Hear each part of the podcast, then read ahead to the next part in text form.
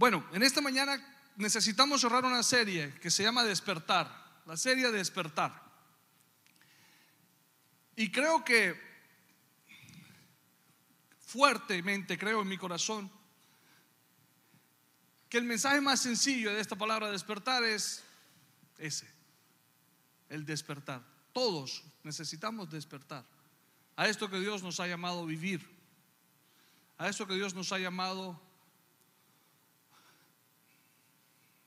No quiero decirlo como estamos acostumbrados a escucharlo. Estamos acostumbrados a escuchar que Dios nos ha llamado a hacer cosas y por consiguiente vivimos un evangelio basado en conducta. Pero si quitamos la palabra hacer del medio y entendemos que Dios nos ha llamado a vivir, la cosa cambia. Dios nos está llamando a vivir esto de una manera diferente. A través de una transformación. Esto lo hemos dicho muchas veces. Es algo muy sencillo, pero muy poderoso. Es algo que necesitamos hacer. Necesitamos despertar. Y muchas veces nos encontramos con una serie de preguntas en nuestras vidas que no tienen respuestas. Y yo quiero decirles algo, cuando usted llega a un trabajo por primera vez, a un empleo nuevo, o cuando está enfrentando un reto en su vida de, cosas, de algo desconocido, algo que usted no está familiarizado con ello, lo más normal es que usted tenga preguntas. Y las personas que tienen preguntas y que se atreven a hacer preguntas, estas personas, eh, esto dice mucho de, ese tipo de personas que lo hacen. Usted conoce, por casualidad conoce a alguno que es tímido y no pregunta porque no quiere que piensen mal de él. Eso, eso también sucede. Oh, no, yo yo no pregunto. Yo me recuerdo de un muchacho una vez que necesitaba entrar a una tienda a buscar comida y él fue a abrir la puerta y la puerta no le abría, pero él miraba hacia adentro en la tienda y la tienda estaba llena de gente. Y él decía, pero ¿cómo entraron si yo estoy tratando de abrir la puerta y no puedo entrar? Y él no preguntó, sino que se fue. Y al día siguiente volvió más temprano, se estuvo al otro lado de la calle para analizar cómo entraban las personas a la tienda. Y se dio cuenta que la puerta no abría hacia adentro, sino hacia afuera. Ah, ahora ya puedo entrar. Fue, fue y abrió la puerta y entró. Pero se demoró 24 horas más por no preguntar. Yo les animo a que preguntemos. Es bueno preguntar.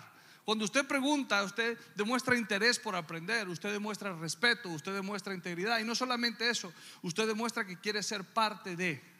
Entonces, en esta vida, su vida, yo me imagino que usted quiere ser parte de esto esta vida que Dios quiere que vivamos de una manera completamente diferente. ¿Ok?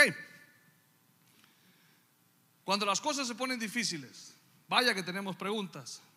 Pero yo quiero decirles algo sencillo, una sola palabra, Jesús. Jesús. Jesús. Quiero que, que pensemos en Jesús. Quiero que Jesús es el camino. Jesús es la única vía, es la única opción. Jesús tiene las preguntas, las respuestas a las preguntas, perdón. Jesús tiene las respuestas a las preguntas. A esas preguntas que usted se hace hoy en día que de pronto no tiene respuesta para ellas. Jesús tiene todas las respuestas. Jesús es la esperanza de nuestras vidas. Jesús, Jesús. Jesús. No hay otro nombre por encima del nombre de Jesús. No existe. No hay un nombre más grande que el nombre de Jesús. Pensemos en esto. Yo voy a leerlo para ustedes. Si les gusta tomar notas, me voy a ir a Colosenses, capítulo 1, versículo 15. Yo lo voy a leer. No quiero que se distraiga, quiero que me escuche y quiero que piense y medite en esto. Cristo es la imagen visible del Dios invisible. Eso dice muchísimo. Jesús es la imagen visible del Dios invisible. Hay un Dios invisible. Hay un Dios que no vemos pero que sí vemos. Basta con ir al campo y ver las montañas y los paisajes y los animales y las mariposas y las aves del campo. Es impresionante. Basta con pararse a la orilla de la playa y mirar las olas que vienen con un ímpetu y una fuerza impresionante, pero se detienen ahí en tus pies. Y tú dices, ¿cómo es posible que estas olas no me tumben con esa fuerza que vienen desde allá? Yo veo como los surfistas están bailando en esas olas con esas tablas impresionante, con una fuerza increíble, pero cuando llegan aquí, hasta aquí llegan, no pasan de aquí. Eso solamente lo puede hacer Dios. Sencillo, algo muy sencillo, pero muy poderoso. Y la palabra a mí me dice que Cristo, que Jesús es la imagen visible de ese Dios invisible que hizo eso. Ahora dice, Él ya existía, ¿Él quién? Jesús. Él ya existía antes de que las cosas fueran creadas y es supremo sobre toda creación. Wow. Él tiene que tener las respuestas. El que ya existía antes de que las cosas existieran y aparte de eso es supremo sobre todas las cosas, Él tiene que tener las respuestas. Pero el 16 dice, porque por medio de Él Dios creó todo lo que existe. Oh, ok. O sea que todo lo que vemos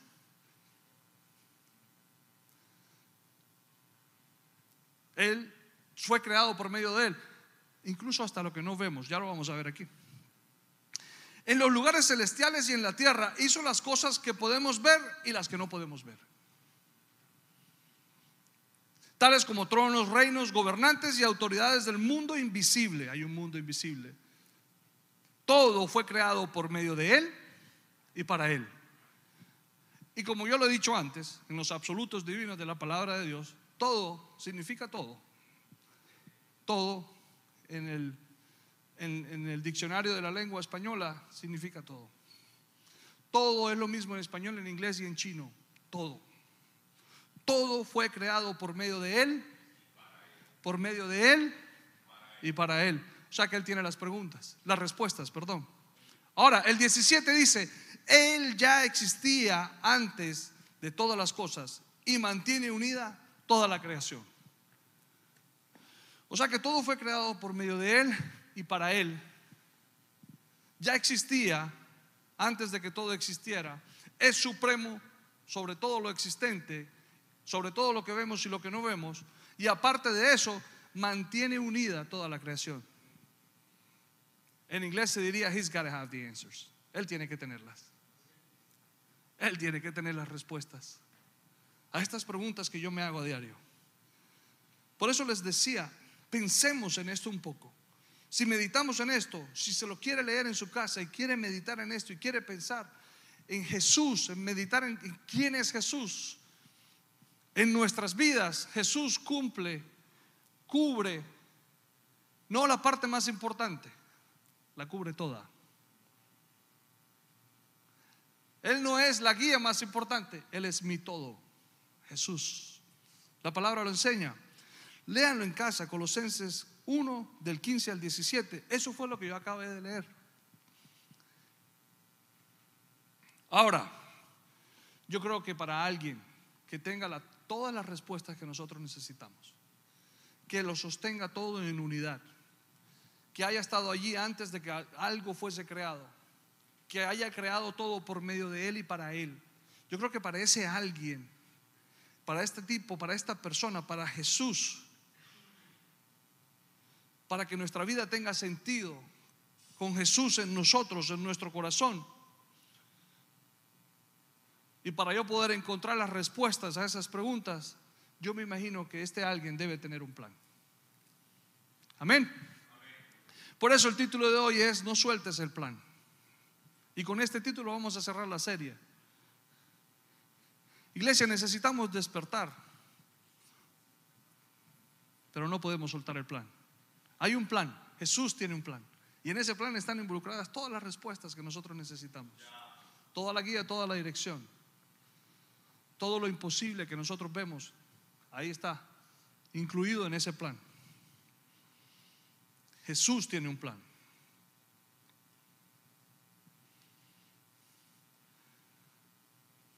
Dios se quiere asegurar en esta mañana, óigame bien, de que no suelte su plan. No suelte su plan. Para nosotros poder cumplir con este plan en nuestras vidas, necesitamos ser más que cristianos. ¿Usted sabe que ser cristiano hoy en día está de moda? Ser cristiano, usted mira, usted le va a mirar el, profile de alguien en sus redes sociales y si dice cristiano, oh, este es confiable. Oh, ella es confiable. Oh, tiene temor de Dios porque puso que es cristiano. Mucha gente usa eso hoy en día para que se le abran puertas. ¿Sí sabía eso? Usted sabe que para los niños que están enamorando niñas allá afuera, incluir en su pick-up line, en su línea de, de, de picaflor, por traducirlo al español, dice, no, yo soy cristiano. ¿Sí? Ser cristiano está de moda. Pero para vivir el plan que Jesús tiene para nosotros necesitamos mucho más que ser cristianos. Mucho más. Lo que, lo que parece ser aún mejor y que necesitamos es ser creyentes. Y aquí me quiero detener un minuto. Ser creyente es diferente. Ahora, es muy, a ver, no quiero que me malinterpreten, pero creer en Jesús, el que invité, el que fue invitado a una boda y transformó el agua en vino. como lo dije esta mañana, that sounds pretty cool. Eso se escucha muy bueno. Yo quiero creer en eso. Creer en ese Jesús que le dan unos panes y unos peces y alimenta más de cinco mil personas. Wow. Yo quiero creer en eso. Creer en ese Jesús que pone las manos sobre el enfermo, el ciego, el paralítico y pueden recobrar su vista y empiezan a caminar después de haber vivido más de 30 años paralíticos. yo quiero creer, yo quiero creer en ese Jesús. Es más, yo necesito creer en ese Jesús. Porque creer en todo esto me hace sentir muy bien me devuelve la esperanza, me devuelve la confianza. Creer en ese Jesús que hace las cosas imposibles delante de mis habilidades, Él hace lo imposible, a mí me conviene porque me hace sentir bien. Pero por otro lado, nos hemos pasado la vida haciendo las cosas que nos hacen sentir bien. Y así queremos cumplir con el plan que Jesús tiene para nosotros solamente cuando me siento bien. Porque cuando me pide algo que no estoy de acuerdo,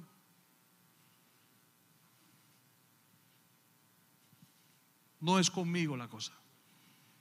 Porque hemos aprendido a vivir solamente y queremos vivir y las cosas cuando van como a nosotros nos gustan o nos parecen, Jesús está en el asunto. Porque me hace sentir bien. Entonces, Cristianos muchísimos. Creyentes también hay bastantes. Pero estoy convencido en esta mañana que para no soltar el plan de Jesús en nuestras vidas, necesitamos ser discípulos. Necesitamos ser discípulos de Jesús. Un discípulo es más que un cristiano y es mucho más que un creyente, porque un discípulo es aquel que estudia lo que se le está enseñando y lo vive. Un discípulo es un seguidor. Necesitamos ser un seguidor de Cristo. Ya hemos sido muchos años cristianos y unos cuantos más creyentes. Llegó el momento de ser discípulos. En este salón hay mucha gente que tiene muchísimo para dar.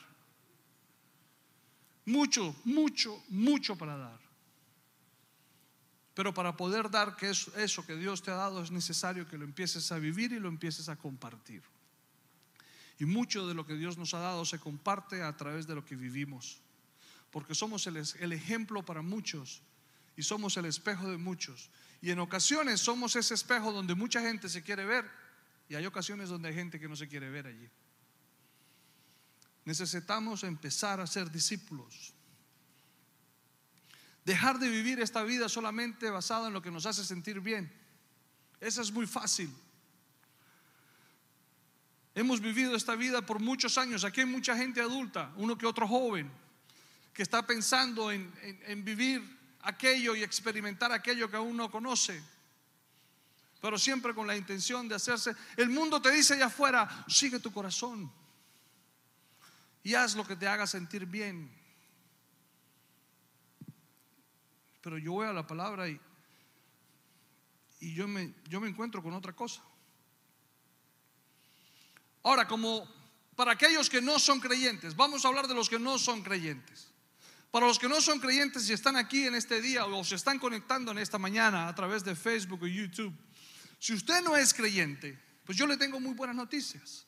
No importa lo que usted haya hecho o no importa lo que usted sea, Jesús te ama y quiere tener una relación contigo. No importa. Es la mejor noticia que te tengo en esta mañana. No importa si estás viviendo el resto de tus, de tus años, de los años de tu vida en la cárcel. Jesús te ama y quiere tener una relación contigo. No importa lo que hiciste hace una hora antes de llegar aquí, si gritaste a tu esposa en la casa. Yo no sé por qué alguien se rió, yo no quiero mirar para allá. Si gritaste a tu esposo en la casa,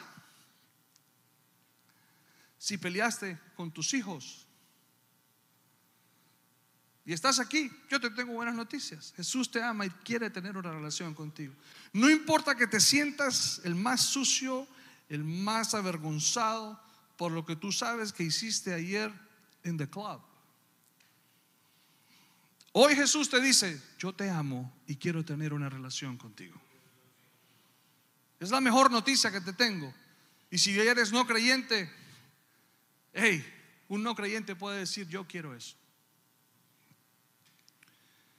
Y si ese es el caso, quiero que repitas esta oración conmigo, sencilla. Señor Jesús, hoy entiendo que has muerto en la cruz por mí. Me arrepiento de mis pecados. Por favor, ven a mi vida como mi Señor y mi Salvador. Por favor, guía mis pasos para yo poder vivir tu plan para mi vida y para los que yo amo. En el nombre de Jesús. Amén. Si tú hiciste esa oración, ¿por qué no hacemos algo? En caso tal de que una sola persona lo haya hecho, démosle un fuerte aplauso si se ha conectado ahí. Estamos felices por ti. A mí me enseñaron que cuando esa oración se hacía y se confesaba en fe, había fiestas en el cielo. Estamos felices por ti, porque has tomado esa decisión, porque has dado ese paso de fe. Pero yo, ustedes saben, y lo he dicho muchas veces, no me puedo parar aquí enfrente de ustedes sin ser honesto, y debo ser honesto. Ahora te tengo una mala noticia. ¿Una mala noticia? ¿Qué mala noticia puede tumbar esta excelente noticia? Sencillo. Jesús ahora quiere que tú mueras para Él como Él murió para ti. Ese es el verdadero evangelio. Ese es el que no nos enseñan. Si usted lee la palabra, medita en las enseñanzas de Jesús, todas nos llevan a eso. Todas nos llevan a eso. Necesitamos morir como Él murió por nosotros. Ahora, otra buena noticia, no te vas a quedar muerto. Jesús te va a resucitar de allí. Ayer lo vivimos así como Él resucitó. Dice que Él es el primero en todo y fue el primero en vencer la muerte. Y muchos de nosotros vamos a vencer la muerte porque fuimos creados para tener vida eterna. Pero necesitamos morir con Él. Necesitamos morir con Él. Para, para morir con Él, no podemos soltar el plan. Acuérdense, Él es el rey de reyes y señor de señores. Él no es un político. Jesús es el rey de reyes y señor de señores. Él no es un político. Lo hablaban esta mañana. Los políticos cambian la constitución de acuerdo a cómo se sienten o de acuerdo a cómo son atraídos en sus debilidades y de acuerdo a cómo le conviene, en otras palabras. Pero Él no. Él es el rey de reyes y señor de señores. Hicimos la oración de fe ahorita y dijimos, Señor, te recibimos en nuestro corazón y te reconocemos como nuestro Señor y Salvador. Pero nos queremos quedar con la, con la parte del Salvador. Y cuando nos llega la parte del Señor, nos confronta. Porque el Señor nos tiene que decir lo que tenemos que hacer. El Señor nos dice lo que debemos hacer. O sea que constantemente Él está expresando sus intenciones y su plan para nuestras vidas. Y nosotros constantemente queremos vivir y hacer lo que nos hace sentir bien. Ahora, no todo lo que hacemos es malo o incorrecto, pero sí que tenemos luchas. Cuando el Señor nos dice, detente, no hables, no digas, perdona, avanza, abraza lo nuevo, suelta lo viejo, sigue luchando, ten paciencia, no tengas miedo. Ese es el Señor hablando. Pero nos queremos quedar solamente con la parte de Salvador.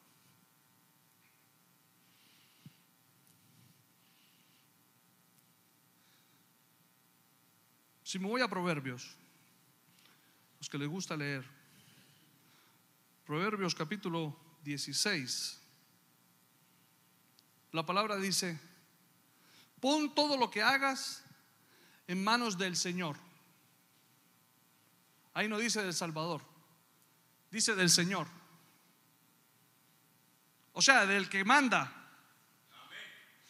Pon todo lo que hagas en manos del jefe. He's a pretty cool guy, pero es el jefe. Pon todo lo que hagas, todo lo que hagas en manos del Señor y dice, y tus planes tendrán éxito. ¿Sabes por qué tus planes van a tener éxito? ¿Sabes por qué mis planes van a tener éxito? Porque cuando yo pongo todo lo que yo hago en las manos del jefe y el jefe me va a decir lo que tengo que hacer, muy seguramente la gran mayoría de mis planes van a cambiar para que puedan tener éxito. Pon todo lo que hagas en las manos del jefe, del Señor. Ese que tú dijiste, te reconozco como mi Señor y mi Salvador. Ok, ese, el Señor te dice, pon todo lo que tú hagas en mis manos. Y entonces tus planes tendrán éxito porque van a cambiar.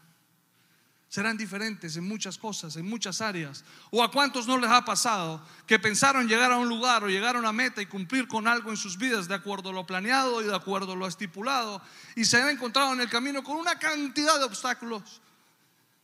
Donde quizás han pensado en rendirse y soltar el plan, pero se han mantenido en la fe, no se han rendido, han escuchado la palabra de consejo, se han dejado direccionar por Dios y de pronto, rum, llegaron y quizás llegaron mucho más rápido de lo que pensaron.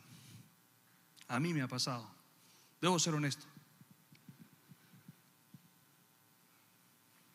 Pero no fue como yo lo pensé.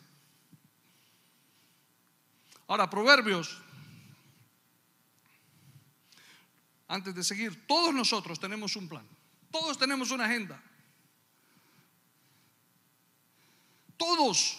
Y todos queremos vivir ese plan y vivir esa agenda. Y algunos somos disciplinados y rígidos con ellas. Y algunos no dejamos, no queremos dar el brazo a torcer porque se me salen las cosas de control.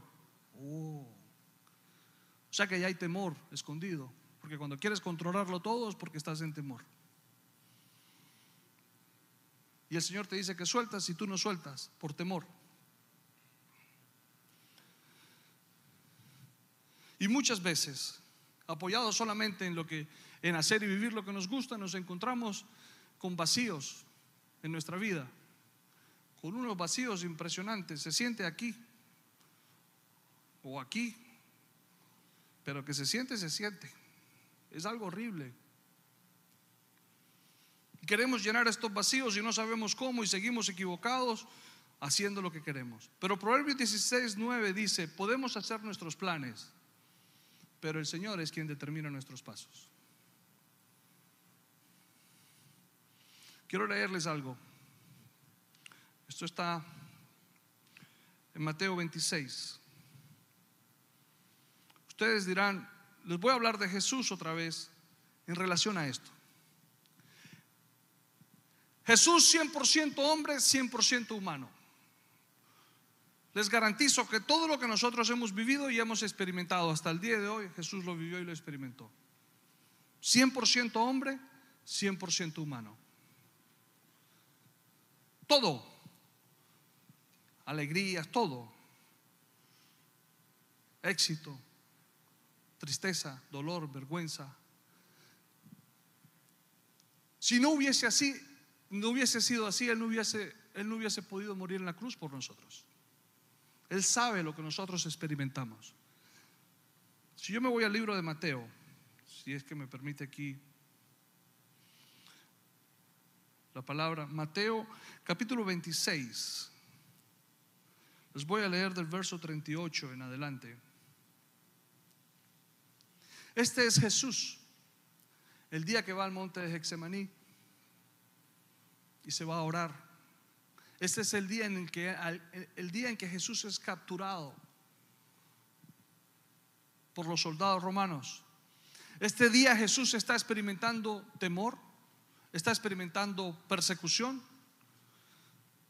se está escondiendo, está huyendo y se lleva tres, a sus tres mejores amigos y les dice, acompáñenme, vamos a orar. Necesito que me acompañen y me ayuden a vigilar. Vamos a orar. Pero quiero leerles y dice así, les dijo, mi alma está destrozada de tanta tristeza hasta el punto de la muerte. ¿Quién ha experimentado eso? Que te duela tanto tu alma hasta el punto de que te sientes morir en vida. Jesús lo estaba viviendo mi alma está destrozada hasta el punto de la muerte. Y dice, quédense aquí y velen conmigo, quédense aquí, acompáñenme, quédense aquí, no quiero estar solo, quédense aquí, ayúdenme a vigilar. Estaba diciendo, los necesito. Y muchos de nosotros nos escondemos y nos apartamos y no expresamos los sentimientos que vivimos. Y por eso muchos jóvenes hoy en día están experimentando suicidio y pensamientos suicidas, porque no, no hablan lo que sienten, no expresan lo que sienten. Joven que estás allá afuera, se vale llorar, se puede llorar, no importa que te vean llorando. Expresa lo que sientes, déjame saber qué estás viviendo, dónde está el dolor, qué te duele, qué te angustia. Jesús, the coolest guy ever, el mejor, el jefe, lloró y le dejó saber a sus amigos, mi alma está destrozada y me siento morir. Si Jesús lo pudo hacer, ¿por qué no lo puedes hacer tú? 100% hombre, 100% Dios, pero lloró. Y expresó lo que sentía. Y pidió ayuda y pidió acompañamiento. ¿Por qué tú no lo puedes hacer?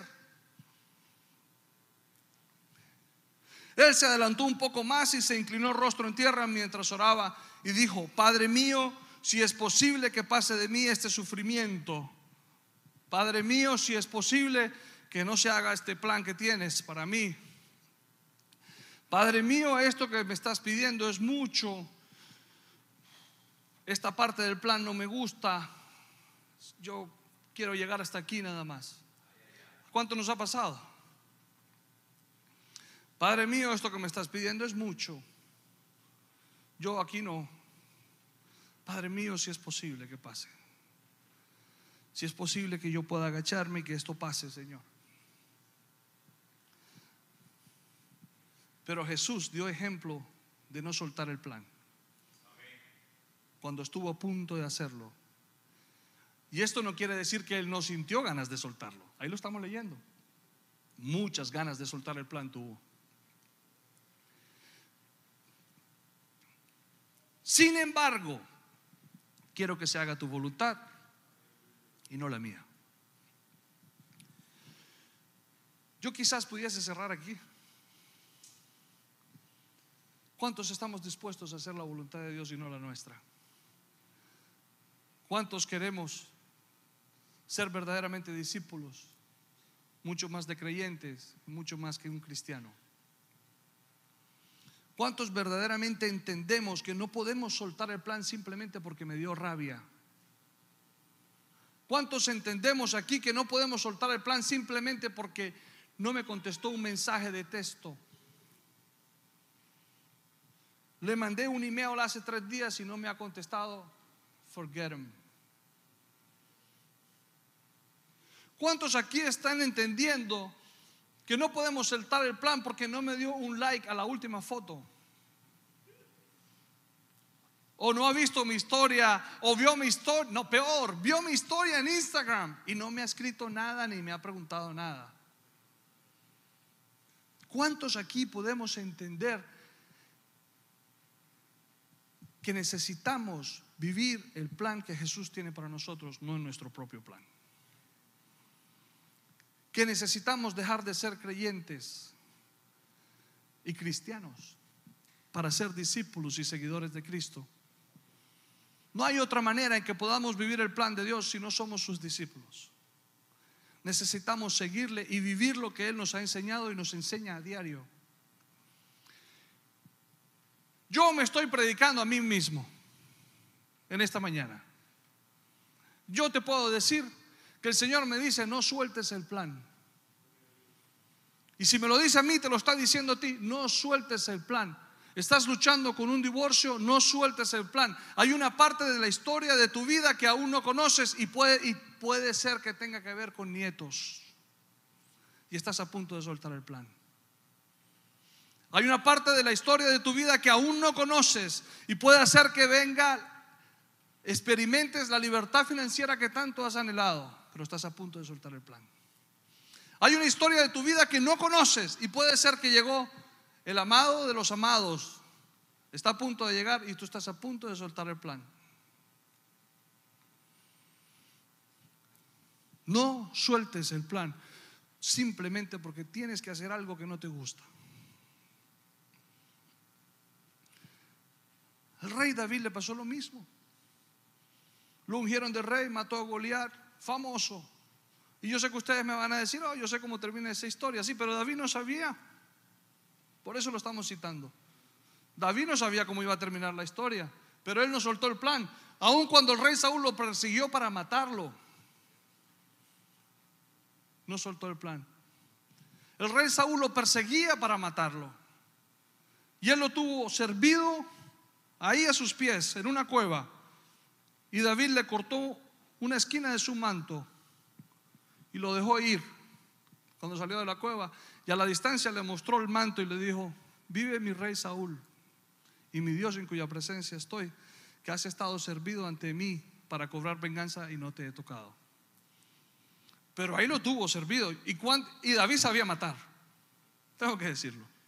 Él sabía cómo quitar una vida. Mataba leones y mataba osos. Mató a Goliat. No iba a matar a Saúl que estaba ahí agachado. Fácil entregado. Pero él dijo, no puedo soltar el plan. Si David hubiese soltado el plan, entonces a través de qué linaje hubiese llegado Jesús. Si Jesús hubiese soltado el plan, ¿dónde estuviéramos usted y yo aquí? Si tú sueltas el plan el día de hoy, ¿qué va a pasar con tu descendencia? Si tú sueltas el plan el día de hoy, ¿qué va a pasar con tus hijos? No sueltes el plan. Ay, es que no lo soporto. Hasta feo huele. Claro, como usted no duerme con él, pastor, usted no sabe, eso es horrible.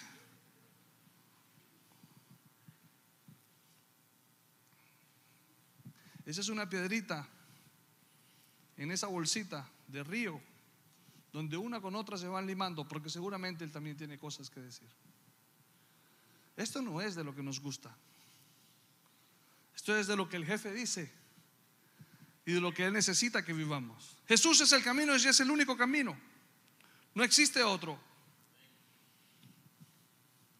Quiero cerrar y le quiero pedir a la alabanza que por favor suba aquí arriba. Mientras ellos vienen, voy a ir a Efesios, capítulo 1, y les voy a leer del 3 en adelante.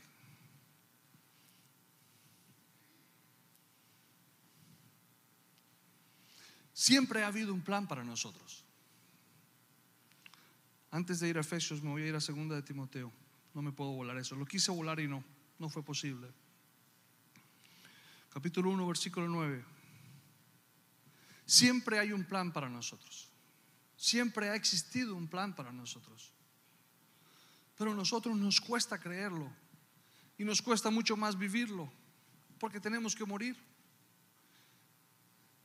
Pero hay una garantía para nosotros y es el Espíritu Santo de Dios.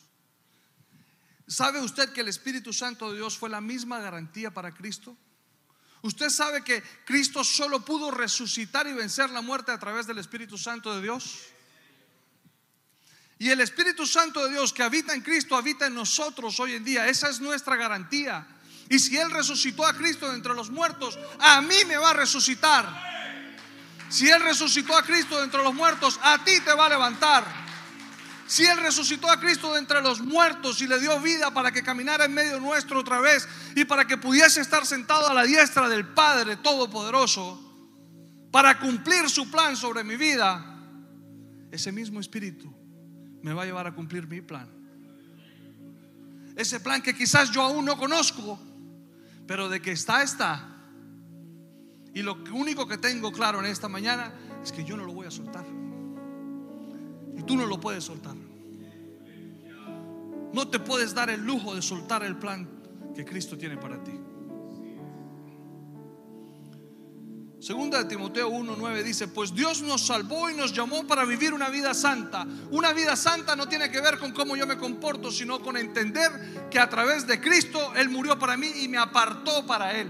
Vivir separados y apartados para Él. Vivir separados y apartados para Él tiene que ver no con no cometer pecado, porque somos pecadores, sino con reconocer el pecado en nuestras vidas y entender que mi Dios que está sentado allá arriba, ese Dios invisible, que se ha hecho visible para nosotros a través de Cristo, nos mira a nosotros a través de Cristo y entonces nos hace justos.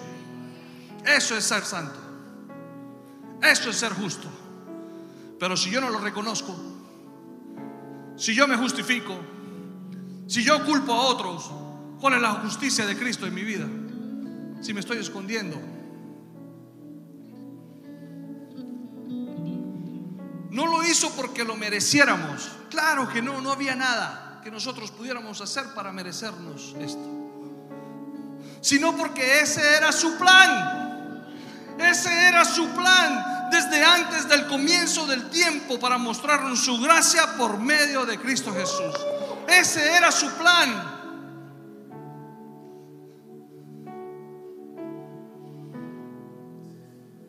Cierro con esto en Efesios 1 del 3 al 14, es bastante lo que les voy a leer.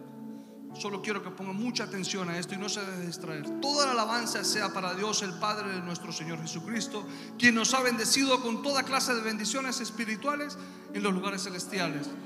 Porque estamos unidos a Cristo. Incluso antes de haber hecho el mundo, Dios nos amó y nos eligió en Cristo para que seamos santos e intachables ante sus ojos nos amó y nos ha hecho en Cristo. Solamente porque hemos sido hechos a través de Cristo somos intachables ante los ojos de Dios. A mí me gusta ese plan. Yo no sé a ti. Pero a mí ese plan me da mucho sentido en mi vida. A mí ese plan me da más esperanza para mis generaciones que mi propio plan. Ese plan está mejor que el saldo que yo tengo en el banco. Ese plan está mejor que la novia, el novio, el esposo, la esposa que estoy esperando. Porque seguramente que en ese plan está incluido todo eso. Dios decidió de antemano adoptarnos como miembros de su familia. Somos familia de Dios. Wow. Wow, somos familia de Dios. Al acercarnos a sí mismo por medio de Jesucristo, otra vez, Who is the man? Jesus Christ. Solamente por medio de Jesús. Solamente por medio de Jesús. Eso es precisamente lo que él quería hacer y le dio gran gusto hacerlo. Se, puso feliz de hacerlo. De manera que alabamos a Dios por la abundante gracia que derramó sobre nosotros los que pertenecemos a su Hijo amado, Jesús Dios es tan rico en gracia y bondad que compró nuestra libertad con la sangre de su Hijo y perdonó nuestros pecados. Él desbordó su bondad sobre nosotros junto con toda la sabiduría y el entendimiento. Ahora Dios nos ha dado a conocer su misteriosa voluntad respecto a Cristo, la cual es llevar a cabo su propio buen plan. ¡Uh! Y el plan es el siguiente. ¿Cuál es el plan? El plan es el siguiente. A su debido tiempo Dios reunirá todas las cosas y las pondrá bajo la autoridad de Cristo. Todas las cosas que están en el cielo y también las que están en la tierra. Es más, dado que estamos unidos a Cristo, hemos recibido una herencia de parte de Dios. Porque Él nos eligió de antemano y hace que todas las cosas resulten de acuerdo a su plan. ¡Uh!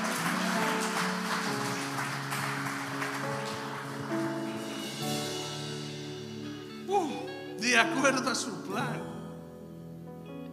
No al mío, ni al tuyo, sino a su plan. El propósito de Dios fue que nosotros, los judíos, esto lo escribió Pablo, porque por eso dice así, que fuimos los primeros en confiar en Cristo, diéramos gloria y alabanza a Dios. Y ahora ustedes los gentiles, vosotros, también han oído la verdad, la buena noticia de que Dios los salva. Además, cuando creyeron en Cristo, Dios los identificó como suyos al darles el Espíritu Santo, la garantía, el cual había prometido tiempo atrás. El Espíritu es la garantía que tenemos de parte de Dios de que nos dará la herencia que nos prometió y de que nos ha comprado para que seamos su pueblo. Dios hizo todo esto para que nosotros le diéramos gloria y alabanza. Por favor, coloquémonos en pie. Denle un fuerte aplauso al Señor si usted recibió en esta mañana.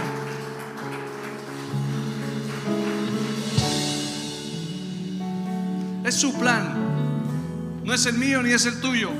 Es su plan. Su plan el que transforma, el que cambia, el que, el que, el que lo hace todo posible.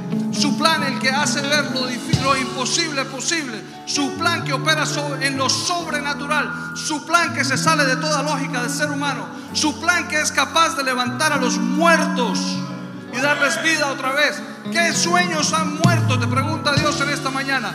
¿Cuáles son los sueños que han muerto? Porque a través del Espíritu Santo todo es posible y pueden volver a vivir. ¿Qué sueños has enterrado? Es hora de desenterrarlos y correr esa piedra y gritarle a ese sueño como le gritaste a Lázaro, Jesús, Lázaro, ven fuera. Oh sueño, levántate y sal de allí. Oh, en el nombre de Jesús, te digo en esta hora que todo sueño que hayas enterrado es tiempo de desenterrarlo. Es tiempo de que corras la piedra. Tú corre la piedra nada más, te dice el Señor, y déjame que yo entro. Cuando Jesús se paró enfrente de la tumba de Lázaro, dijo, corre la piedra. Eso es todo. No, pero esa piedra pesa muchísimo, Señor. Córrela. Córrela. Señor, pero ya está podrido, huele feo. Corre la piedra. Señor, pero si ya tiene muchos días, ya yo me rendí. Yo boté la toalla. Eso tiene años que yo olvidé. Señor, los médicos me dijeron que yo no podía ser sano. Señor, los médicos me dijeron que esto ya y que yo tenía que simplemente aprender a vivir con esta invalidez.